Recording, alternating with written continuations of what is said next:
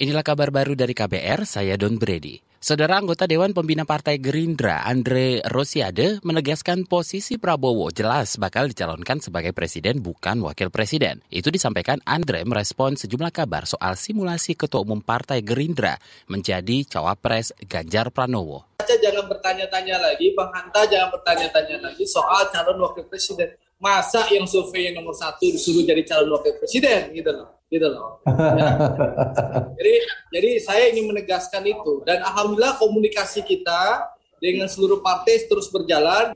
Anggota Dewan Pembina Partai Gerindra, Andre Rosiade, menambahkan bahwa Prabowo merupakan tokoh pemersatu yang bersama-sama Presiden Jokowi melakukan rekonsiliasi.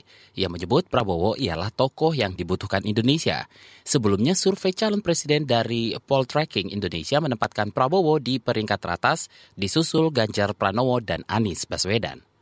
Anggota Komisi Kesehatan 9 DPR fraksi PKS Neti Prasetyani mengatakan aksi pita hitam yang digagas pengurus besar Ikatan Dokter Indonesia merupakan bentuk ekspresi keprihatinan dan solidaritas. Karena itu tidak boleh ada pelarangan dalam aksi tersebut. Ya itu eh, sebetulnya kan satu satu hak yang dilindungi oleh undang-undang ya.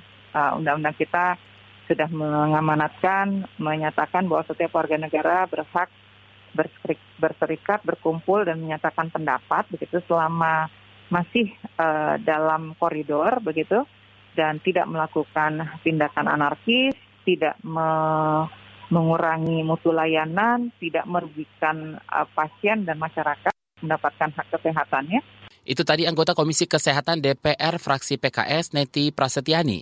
Sebelumnya PBID mengeluarkan surat edaran yang berisi imbauan untuk mengenakan pita hitam di lengan kanan selama satu bulan dimulai 26 April hingga 26 Mei 2023. Adapun pemakaian pita hitam itu ditujukan ke seluruh anggota ID baik yang bekerja di instansi pemerintah maupun swasta. Alasan pemakaian pita hitam salah satunya sebagai ungkapan keprihatinan atas perlakuan fisik atau penganiayaan pada dokter di Lampung Barat.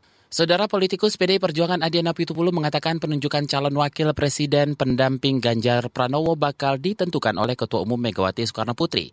Ia memastikan Ketua Umum bakal menunjuk sosok terbaik dari yang terbaik untuk berduet dengan Gubernur Jawa Tengah tersebut. Tidak melanggar HAM. Oh, ternyata ini. Kalau cawapresnya gimana misalnya? Ya sama, bukan pelanggar HAM, kemudian tidak pernah menggunakan politik identitas karena kita pro keberagaman dan sebagainya dan sebagainya.